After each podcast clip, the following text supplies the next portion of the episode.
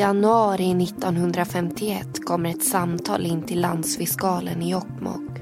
En man berättar att han och en vän blivit beskjutna av en galen norrman på Akka fjällmassiv. Vännen hade blivit träffad och mannen hade varit tvungen att lämna honom bakom sig. Med skidor och sovsäckar ger sig poliserna ut i den barska fjällvärlden för att rädda en man och gripa en annan. Men det poliserna inte vet är att deras gärningsman är en riktig fjällräv. Han har tillbringat över 200 dagar ensam i fjällen. Och för att fånga honom skulle de behöva vara både tålmodiga och klipska.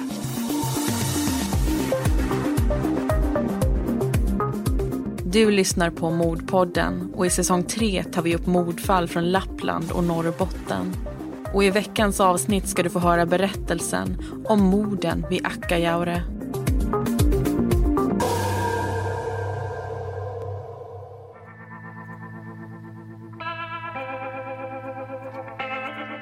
I april 1940 når andra världskriget Narvik i norra Norge. På en bondgård strax där utanför, i Taraldsvik, bor en 14-årig pojke som heter Torbjörn tillsammans med sin familj. Han tycker att striderna är spännande och följer krigets framfart med en stor nyfikenhet. Ett år senare känner han sig orolig, dyster och lättretad. Någonting är fel, ur balans och han ger sig därför ensam iväg på en längre fjälltur. När han kommer hem igen så mår han bättre. Det inre trycket har lättat. Men det dröjer inte länge förrän balansen rubbas ännu en gång och hans familj börjar oroa sig på nytt för den 15-åriga pojkens hälsa. Torbjörn kan blåsa upp minsta motgång till jättedimensioner och har nu börjat isolera sig själv allt mer. Oron grundas dessutom i det faktum att Torbjörns mamma och morfar båda haft schizofreni, vilket är en ärftlig sjukdom. När Torbjörn är i 20-årsåldern spenderar han två gånger om tid på ett sinnessjukhus. Men eftersom han inte anses vara kriminellt farlig så kan man inte hålla honom inlåst någon längre tid. Och när han väl kommer ut så börjar han spendera allt mer tid ensam i fjällen. Där kan han komma undan de människor han anser behandlat honom orättvist. Men känslan av att de iakttar honom vill inte släppa helt och han känner sig tidvis förföljd. När Torbjörn är 24 år gammal bestämmer han sig för att lämna Norge bakom sig. Han har nu fått nog av omvärlden och alla dess människor. Särskilt de egna landsmännen som han numera bara ser som sina fiender. Svenskarna däremot har aldrig gjort honom någonting illa och därmed är beslutet taget. Sverige ska bli hans nya hem och de ensliga fjällen hans tillflyktsort. Därmed påbörjas en period som ska leda till att Torbjörn spenderar över 200 dagar ensam i Sveriges nordligaste delar. Tiden spenderar han med att jaga och skriva dagbok men också med att sjunka allt djupare in i sin egen sjukdom. Dagbok 31 januari 1950. Meningen med att flytta ut till ödemarken alldeles ensam? Jo då, för att lära mig att bli en människoföraktare, kulturhatare och rövare av största rang. Först och främst rövare. Den frihet jag har insupit, det fria livet jag förlorat i packet, det ska de på ett eller annat sätt få betala. Jag vill lära mig döda. Döda hänsynslöst, med blodtörst. Lite drygt ett år senare skulle hans önskan bli verklighet.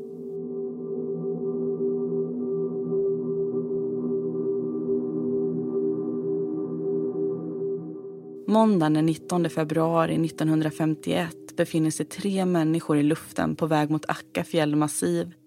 Vid styrspakarna sitter piloten Arne som vant styr sitt propellerflygplan över de snötäckta vidderna.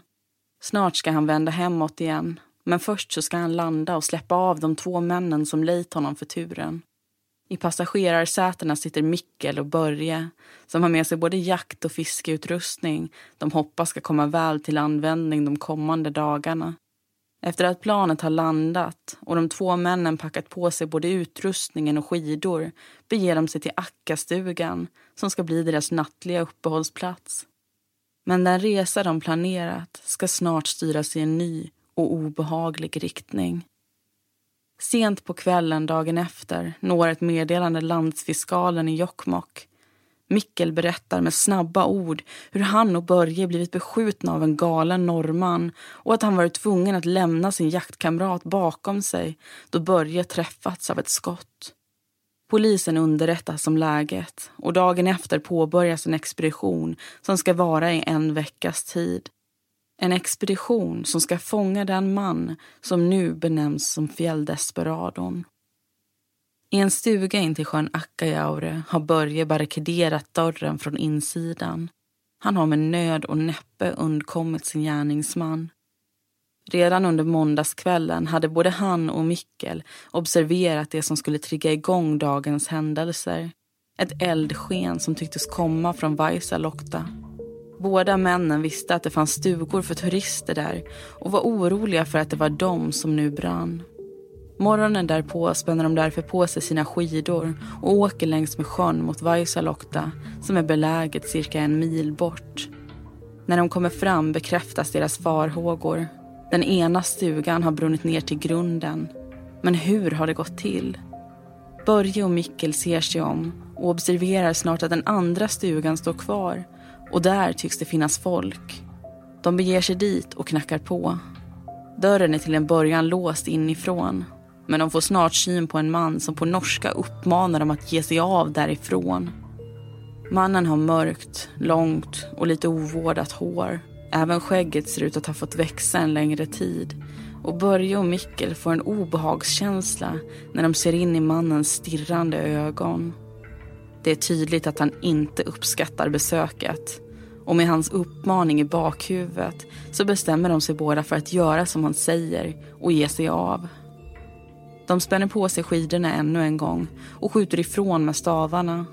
Planen är nu att återvända till Akkastugan men de hinner bara ett par hundra meter innan de vänder blickarna bakåt och ser hur norrmannen nu stigit ut ur stugan med ett laddat gevär i handen. Börje och Mikkel försöker skynda sig ifrån platsen men de kommer inte särskilt långt innan ett flertal skott avlossas. Mikkel kastar sig omkull och undviker därmed de vinande kulorna. Men bredvid honom hörs ett skrik då Börje blivit träffad i baken. Mikkel försöker ta sig till vännen då ytterligare en kula passerar in till hans huvud. Han inser att det enda han kan göra är att hämta hjälp. Mikkel försvinner ur Börjes synfält på väg mot Sorva där han sent på kvällen får tag i en telefon och underrättar landsfiskalen i Jokkmokk om det som hänt. Samtidigt ålar sig den skottskadade Börje in i snåren vid sjökanten. Han avlossar ett par skott från sitt egna gevär och tvingar tillbaka Torbjörn in i sin stuga. Han litar dock inte på att den galna norrmannen inte ska komma tillbaka och han släpar sig genom snön och in emellan ett par isblock. Det är inte en lång sträcka, men på grund av blodförlusten svimmar han fem gånger. Han avvaktar lyssnar, hoppas att han inte har blivit förföljd. Senare tar han sig längs med stranden, först till en kåta som han uppehåller sig i tills mörkret faller och sen till Ackastugan där han nu sitter barrikaderad. Där tänker han stanna tills hjälp anländer. Han kan bara hoppas att den kommer snabbt nog.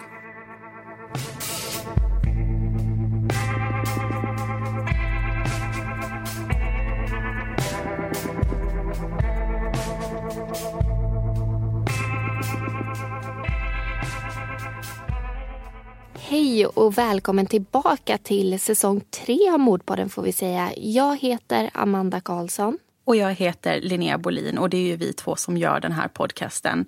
Och nu är vi alltså tillbaka med en ny säsong och nya mordfall såklart som vi hoppas att ni ska tycka om.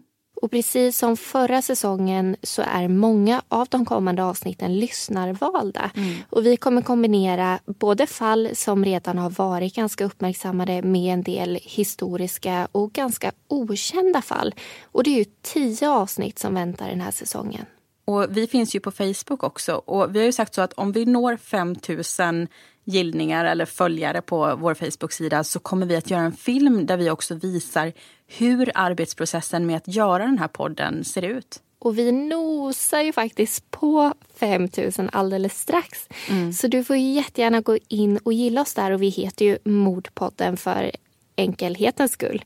Och innan vi drar igång så vill vi också passa på att tacka er för vi blev ju faktiskt framröstade till årets nykomling i det svenska podcastpriset 2016. Ja, jag vet inte riktigt vad jag ska säga men vi är ju så otroligt tacksamma för det här. Ja, vi trodde ju verkligen inte det när vi startade och vi har ju varit igång i mindre än ett Nej. år nu så att, att ens ha blivit nominerad var ju jättestort för oss och sen att kamma hem titeln det betyder ju jättemycket för oss. Och det är tack vare er som har röstat på oss. Så stort tack och vi kan säga att det här har gett oss väldigt mycket energi nu inför den kommande säsongen. Och inför varje säsongstart så har ju vi försökt också Head over to Hulu this March where our new shows and movies will keep you streaming all month long. Catch the award-winning movie Poor things starring Emma Stone, Mark Ruffalo and Willem Dafoe.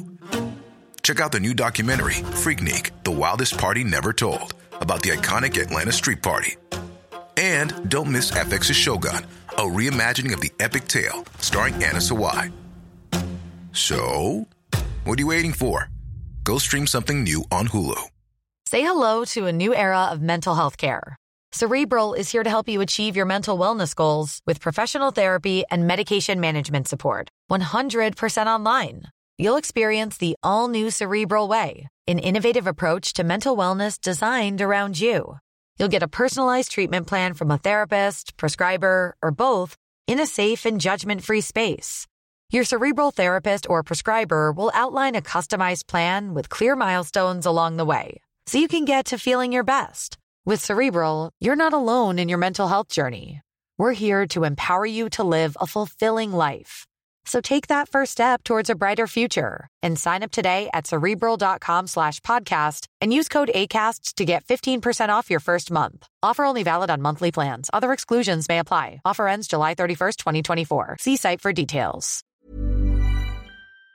Att göra lite ändringar. Jag vet inte riktigt om ni har hört det, men eh, ni har ju tipsat oss om förändringar som ni vill se och vi försöker hela tiden implementera någonting litet. Och till den här säsongen så kommer vi ha med bland annat frågor och svar från er lyssnare. Och det hoppas vi att vi ska ta upp bland annat i dagens avsnitt. Ja, vi vill ju så himla gärna involvera er som lyssnar och ta med era kloka tankar i vår podd. Så det, det ska vi försöka med den här säsongen. Men om vi nu ägnar oss åt dagens fall så fick vi i den första berättelsen insikt i Torbjörns liv. Men om det är så att ni vill förstå hans sjukdom lite mer så kan ni lyssna på avsnitt 8 av säsong 2 om ni inte gjort det, nämligen kannibalmordet i Malmö. För där diskuterar vi schizofreni. Men här, den här diskussionen tänkte vi ägna oss åt att prata om de svenska poliserna. Mm. För när det här samtalet kommer in till landsfiskalen i Jokkmokk då sätter man ihop en insatspatrull. Och en av de här killarna han är en nybliven pappa. Han har precis dagen innan fått hem sin fru och deras nyfödda son från BB. Och en annan han har tävlat i OS inom just längdskidåkning.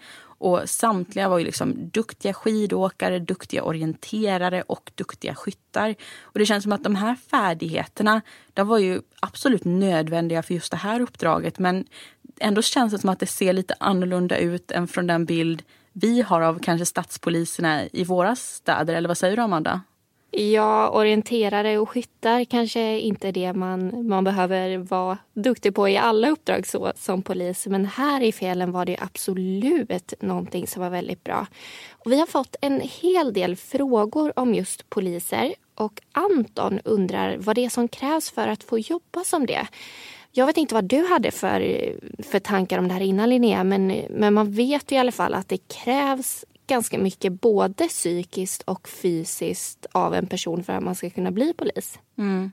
Ja, det är ett väldigt, speciellt yrke. Så man förstår ju också de här mm. kraven som finns. Ja, men ska vi köra igenom några av dem så Anton får lite svar på den här frågan. Det tycker jag. Så får jag lite svar också för jag hade inte helt koll på det här innan vi gick igenom det. Nej, precis. Men till att börja med så måste man vara svensk medborgare och ha fyllt 18 år när man ansöker om att få gå den här polisutbildningen då.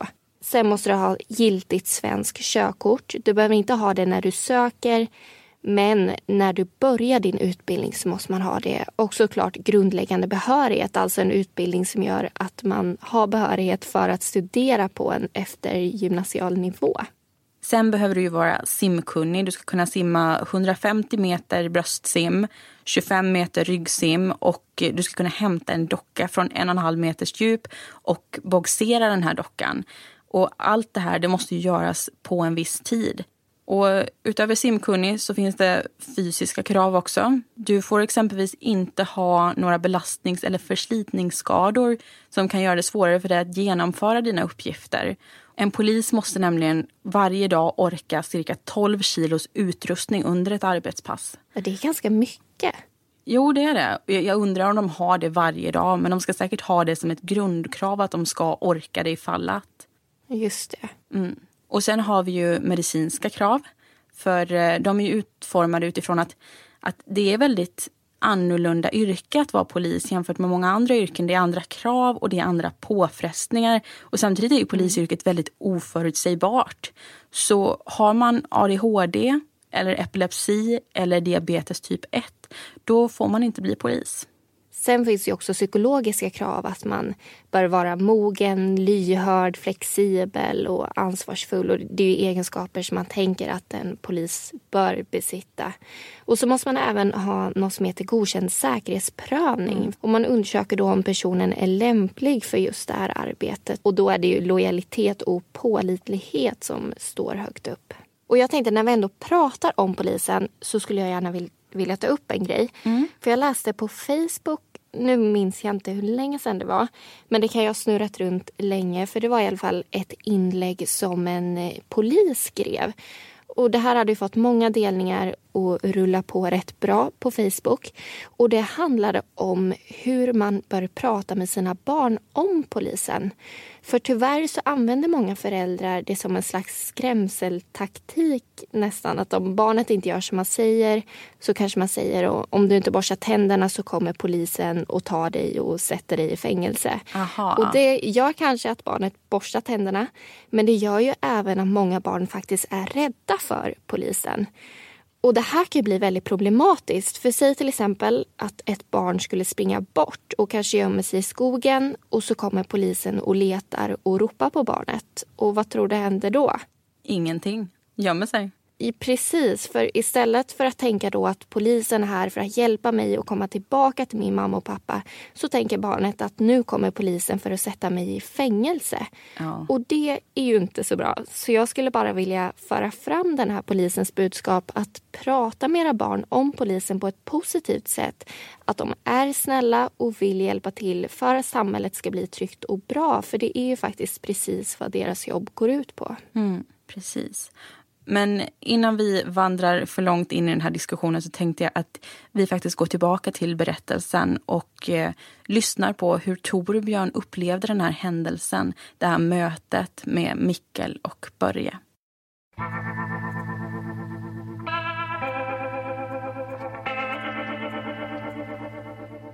Torbjörn går tillbaka in i stugan efter det olyckliga mötet med de två jaktkamraterna. De hade överraskat honom då de kom skidande och han var rädd att de skulle vilja honom illa. Trycket inom honom hade lättat något efter att han tänt på den andra stugan. Men nu hade det kommit tillbaka. Hans avsikt var inte att döda, utan att skrämma. Ett av de vårdslösa skotten hade dock träffat den ena mannen. Men Torbjörn hade inga tankar på att avsluta jobbet. Hade det varit norrmän hade han dock inte tvekat.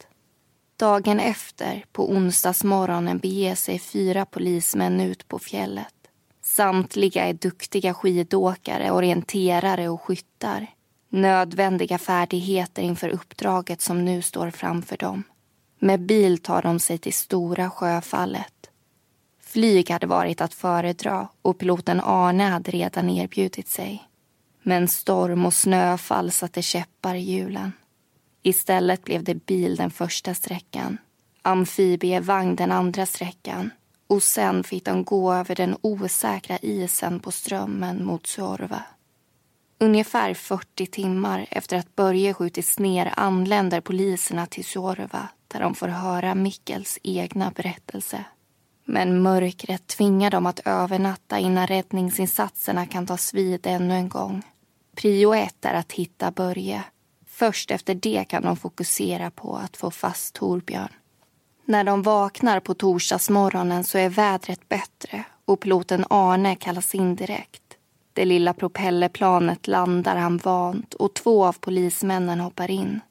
Fler än så kan inte planet hålla. Och Mikkel tillsammans med de två andra poliserna får därmed ta sig till Akkastugan på skidor. Planet lyfter och de tre männen tar fågelvägen mot Vaisalokta. Men när de kommer fram ser de inte en utan två nedbrända stugor. Arne vänder därefter planet mot Ackastugan och kan snart skåda en vinkande person på bron utanför. Alla tre hoppas att det är Börje de hittat. Men de vet inte var Torbjörn håller till och tvingas landa en bit därifrån för att sen försiktigt röra sig mot stugan. När de kommer fram inser de till sin glädje att det är Börje de funnit. Han är svårt skottskadad men berättar ändå för polisen om det han tvingas utstå under de två dygn han varit ensam. Därefter flyger Arne, Mikkel och Börje till Gällivare lasarett. Under tiden väntar poliserna in de förstärkningar de lovats från Norge. När Mickels meddelande hade nått fram till landsfiskalen i Jokkmokk så hade nämligen också polismästaren i Narvik kontaktats. Han kunde i sin tur informera den svenska polisen om att beskrivningen av den man som kallades Fjälldesperadon matchade en 25-årig man som heter Torbjörn och som varit försvunnen en längre tid. Han kunde också berätta att mannen var duktig på både skidor och gevär och att han inte hade några problem med att ta sig runt i fjällvärlden. Året innan hade han ensam tillbringat 227 dagar i fjällen och han tycktes vara mer fäst i de ståtliga vidderna än andra människor. Polisen hade därefter bestämt sig för att mötas upp i Jackastugan under onsdagen i förhoppningen att de tillsammans kunde stoppa Torbjörn. Men på grund av det dåliga vädret så hade den svenska polisen dykt upp en dag senare än beräknat. Och ändå syntes inte några norrmän till.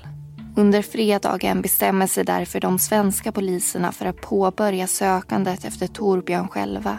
De beger sig till Vaisalukta där de finner ett skidspår bland de nerbrända stugorna. Skidspåret leder i sin tur till den norra stranden av sjön Akkajaure. Mörkret har lagt sig och kvällen är ett faktum när de finner tre slaktplatser med dödade renar. De ser också ett spår efter en pulka de inser att Torbjörn måste vara nära när de snubblar in på hans lägerplats.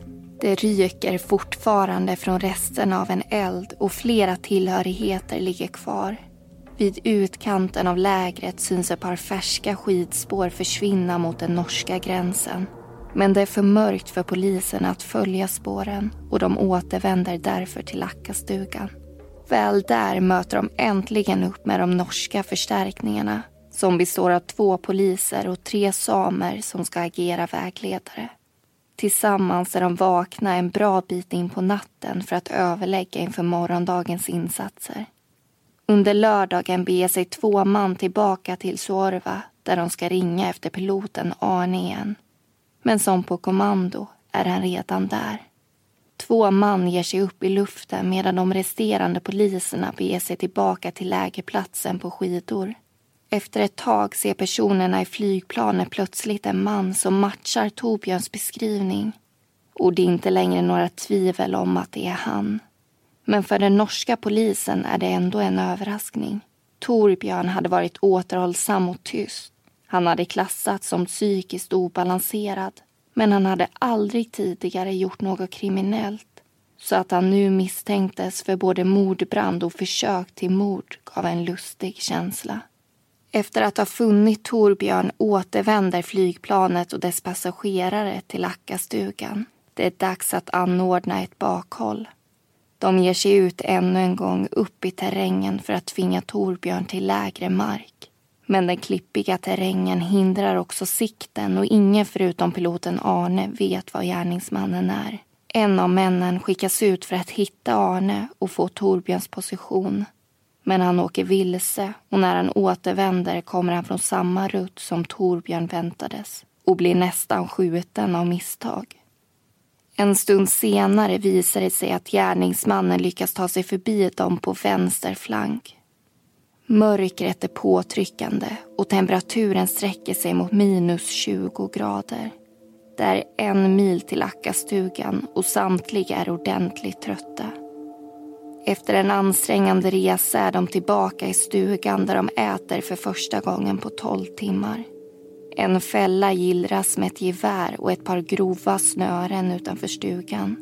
Ingen vill vara oförberedd ifall Torbjörn skulle dyka upp och den här natten behöver de alla sin sömn.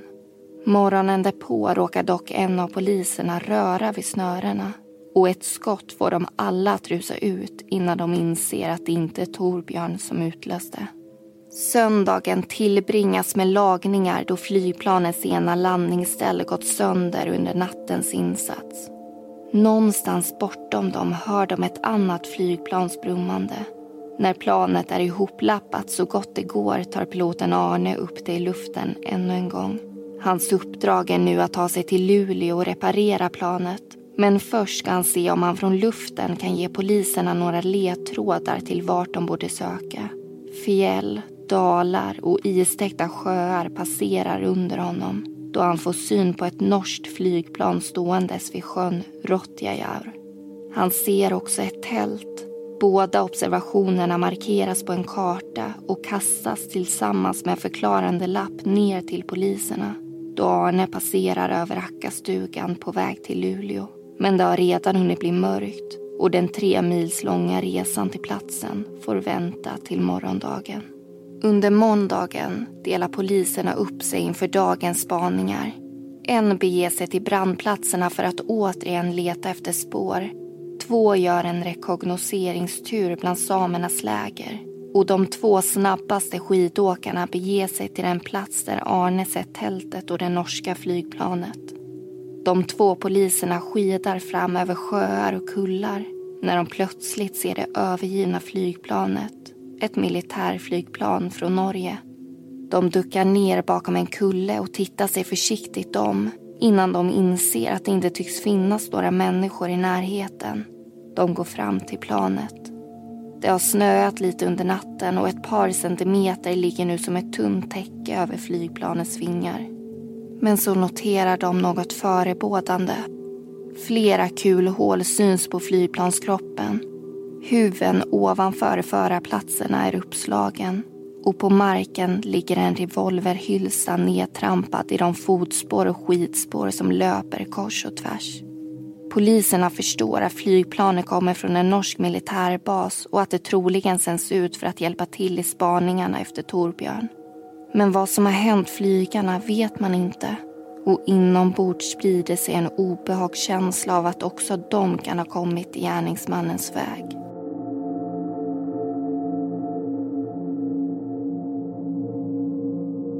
Dagen innan är Torbjörn ute och tittar på en kåta då han hör ljudet från ett flygplan. Han vrider på huvudet och får snart syn på ett militärflygplan som han också känner igen som norskt. Fiender. Det är så han ser dem nu, sina landsmän. Flygplanet cirkulerar över vattnet och Torbjörn inser att de ska gå ner för landning i närheten av hans läger. Han försöker därför skynda sig tillbaka men när han kommer fram har de två militärmännen redan stigit ur planet. Den ena mannen står intill flygplanet nere vid bukten medan den andra precis hunnit fram till hans tält. Torbjörn tvekar inte. Han känner bara att han måste försvara sig från dessa plågoandar, dessa förföljare. Och han avlossar ett skott mot mannen vid tältet. Militärmannen tar då upp sin pistol och skjuter mot Torbjörn, men missar. Torbjörn ger gensvar och hör hur hans kulor slår i flygplanets hull. De båda militärmännen flyr från det öppna landskapet ner mot älven. Torbjörn följer i deras spår och öppnar eld ännu en gång då han ser dem gömma sig mellan stenblocken.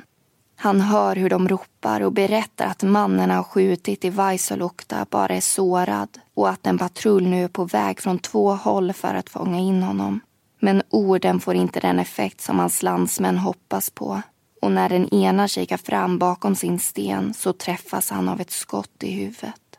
Han faller död till marken medan den andra militärmannen kommer undan. Torbjörn söker efter den andra mannen en längre tid men hittar honom inte. Klipphällarna intill älven är vassa och täckta med snö. Han hittar mynningen till en grotta där och bestämmer sig för att krypa in när ett skott avlossas på nära håll. Den norska militärmannen har hittat honom och gömmer sig nu bara några meter bort längs klipporna. Torbjörn ropar till honom att han ska få fri lejd om han bara kastar pistolen. Militärmannens pistol är tom på ammunition och han vet att den inte längre kan fylla sitt syfte. Så han kastar den mot grottmynningen. Sen reser han sig upp från sitt gömsle och skjuts direkt ner av Torbjörn. Torbjörn går fram till den döda militärmannen och plockar på sig delar av hans utrustning innan han beger sig tillbaka mot flygplanet. Han släpar ner den andra mannens kropp till en isvak och kastar i honom. Men inte innan han tar vara på skinnstövlarna, jackan och byxorna. Torbjörn tänker tappa flygplanet på bensin men hör plötsligt ljudet av ett annat flygplan och ger sig hastigt iväg utan vare sig packning eller tält.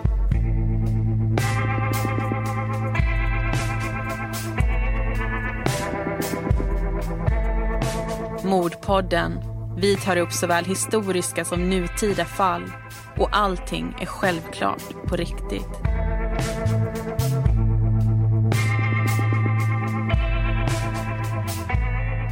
Där hörde du del två av morden vid Akkajaur. Förra diskussionen pratade vi om poliserna i det här fallet. Men nu tänkte vi istället prata om de två militärmännen från Norge.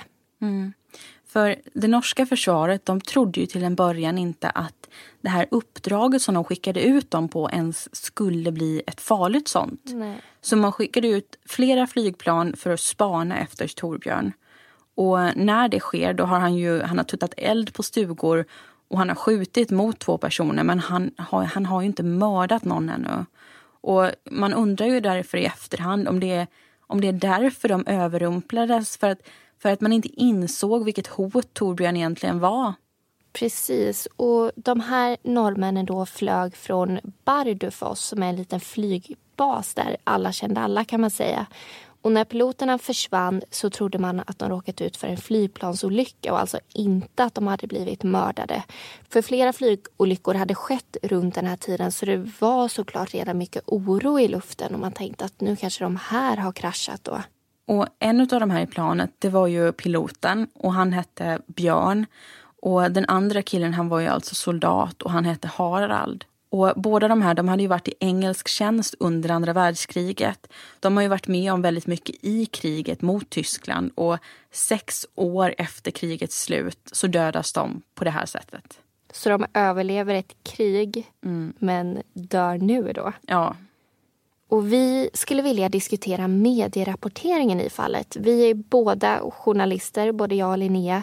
Så för oss är den här delen ofta lite extra intressant. Det är över 65 år sedan som det här hände. Men hur mycket är det egentligen som har förändrats kan man fråga sig. Jag tycker att man kan se att vissa delar har förändrats ganska markant. Mm. För uh, under tiden som det här utspelar sig och även efteråt så är det tydligen det är helt fullpackat på hotellen och vandrarhemmen i närheten. Och det är alltså journalister från hela Sverige som har åkt dit för att täcka fallet på plats. Och det känns som att vi idag mycket mer använder oss av andra mediers rapportering istället för att själva åka ut på plats. Att man berättar att eh, Norrbottens-Kuriren berättar att det här har hänt och så plockar Aftonbladet upp det. Och jag tror att det är vissa jättar mm. som fortfarande skickar ut folk på plats när det händer stora saker. Men jag tycker att det har blivit mindre vanligt. Och mer andrahandskällor då. Ja, precis. För allt ska gå så snabbt nu hela, hela tiden. Men samtidigt så är det ju en del saker som ser likadana ut idag som för över 60 år sedan. Det är väldigt intressant tycker jag hur man väljer att rapportera om specifika brottsfall. Här benämner man till exempel gärningsmannen för fjälldesperadon och han är en förövare, han är en galning, han är en vettvilling. Samtidigt berättar man om hur duktiga de här poliserna är i sitt arbete. Och jag säger såklart inte att det är fel eller att det inte är sant. Men det är intressant att vi ofta skriver och vill läsa om vad som är det goda och vad som är det onda. Det är mycket kontraster hela tiden och mm. de ställs ofta mot varandra. Att det är hjältar mot bovar. Varför tror du att det är så? Jag tror att mycket av det grundar sig i att vi vill förstå. Alltså, vi vill ta någonting mm. väldigt komplext och göra det till någonting simpelt. Och en ond person versus en god person, det är lätt att förstå. Så har ju sagorna sett ut ända sedan man var liten. Ja, precis. Och jag, jag, tror också att det här är ett resultat av att man har exempelvis 2000 tecken där en hel historia om ett brott ska in. Och både du och jag vet ju att det är inte mycket som Nej. går att säga på de 2000 tecken. Och sen tror jag också att alltså, det ger en tillfredsställelse att läsa en historia som man redan är bekant med. Precis som du sa, en saga. Det har vi lärt oss vad det är sen vi var små. Och mm. nu får vi höra att det händer i verkligheten. Det är de goda poliserna, det är den onda gärningsmannen. Men han åker fast, de tar honom och allting är bra. Jag håller med och jag tror också att vi kanske inte vill gräva i alla de här lagren som finns. Att en mördare har ju begått en ond handling och därför ser vi denne som en ond person och vill kanske inte veta om den här människan har gjort någonting fint för några månader sedan. För i våra ögon är den nu bara en mördare och det är också den rollen som den får i medierna. Mm. Det, det, här går att diskutera hur länge som helst och vi har ju inte en så lång podd.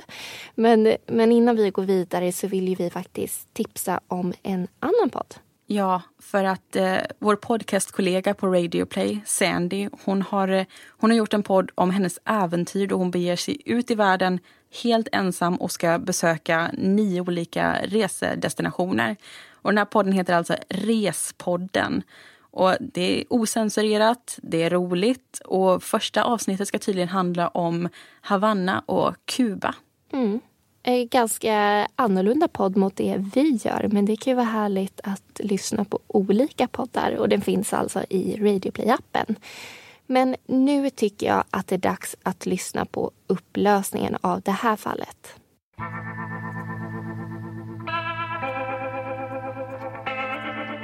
Under tisdagen åker piloten Arne och en av poliserna upp till sjön Rottjajaur igen.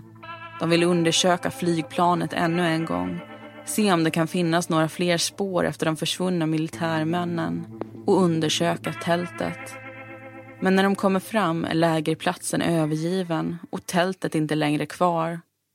Färska skidspår ligger dock i snön och de följer dem i luften mot Sekkokjaure efter ett tag ser de plötsligt en man som skidar fram i terrängen med en pulka i släptåg. Torbjörn! Äntligen har de hittat honom.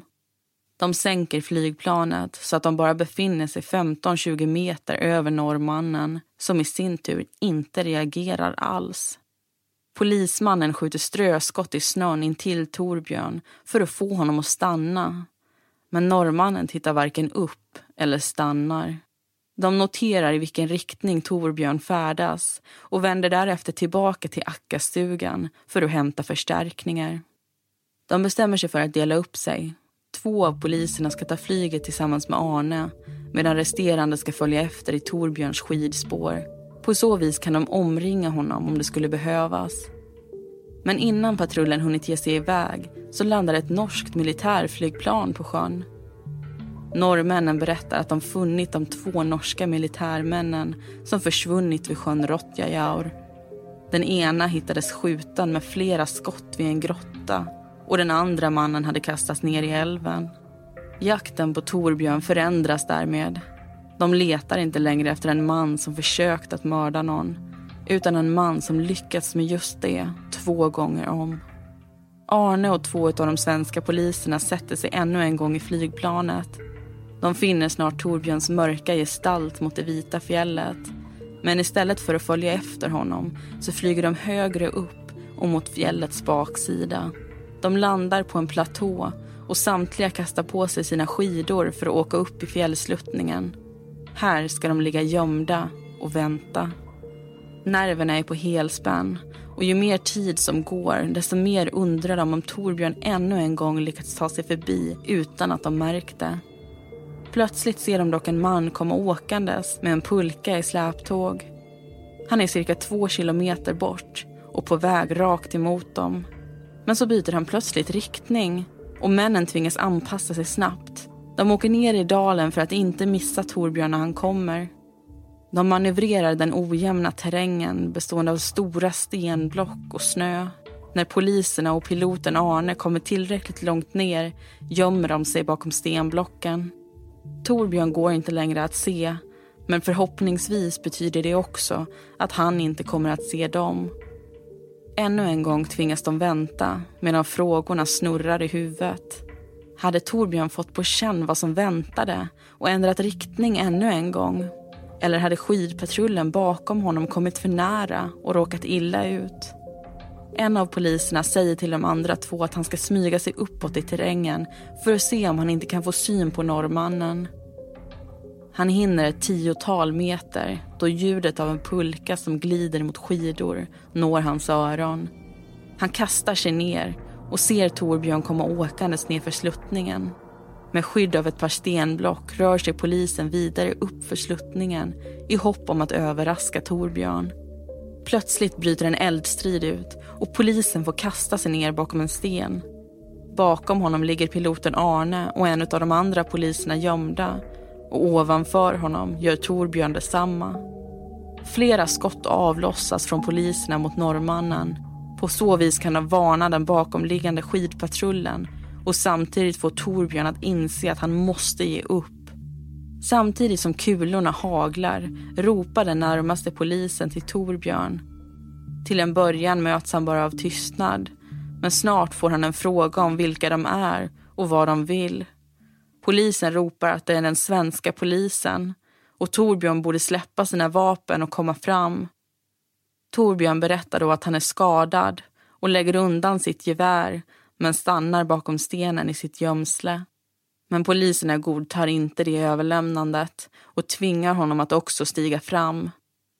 Torbjörn haltar ut från sitt gömsle med händerna sträckta mot skyn. Poliserna springer fram till mannen och bedömer läget. Två laddade gevär och en pistol återfinns tillsammans med en portfölj fylld med ammunition och en skadad Torbjörn. En av kulorna har träffat honom i benet och det blöder kraftigt. Den 25-åriga norrmannen läggs ner i pulkan och ett förband läggs om benet. Han är lugn och sansad när han pratar med polisen och ger inte alls intrycket av den galna dubbelmördare de föreställt sig. Torbjörn tar tag i piloten Arnes hand och frågar vad han heter. Arne ljuger till en början men berättar sen sitt verkliga namn. Som gensvar får han ett igenkännande av norrmannen. De hade nämligen träffats cirka ett år tidigare under en räddningsinsats för tre försvunna lärare. Nyfiken frågar Arne Torbjörn vad som hade hänt om de hade stött på varandra nyligen. I samma lugna och sansade tempo svarar Torbjörn att han skulle ha skjutit honom. Anledningen för att Arne skulle ha försökt tvinga tillbaka honom till Norge och de landsmän han så avskydde. I sin egen värld hade hans agerande alltid varit rättfärdigat. Det var inte illvilja som låg bakom, utan självförsvar. Torbjörn körs tillbaka till flygplanet och vidare till Ackastugan där en läkare väntar. Därefter lyfter de ännu en gång på väg mot lasarettet. Torbjörn ber att få låna sin dagbok under färden, vilket han får och skriver in ett citat.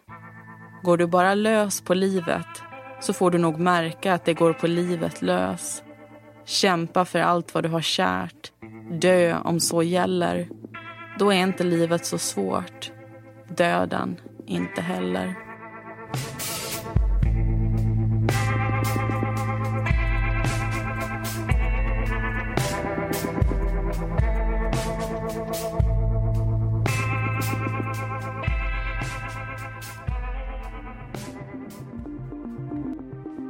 Torbjörn genomgick en rättspsykiatrisk undersökning där det framgick att han var psykiskt sjuk. Han dömdes därför till förvaring i säkerhetsanstalt. Och det var allting som vi hade att berätta om morden vid Akkajaure.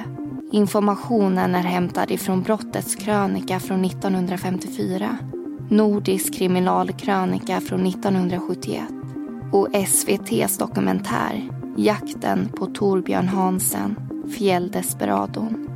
Nästa söndag är vi tillbaka med ett nytt avsnitt och då ska du få höra om styckmordet i Lycksele.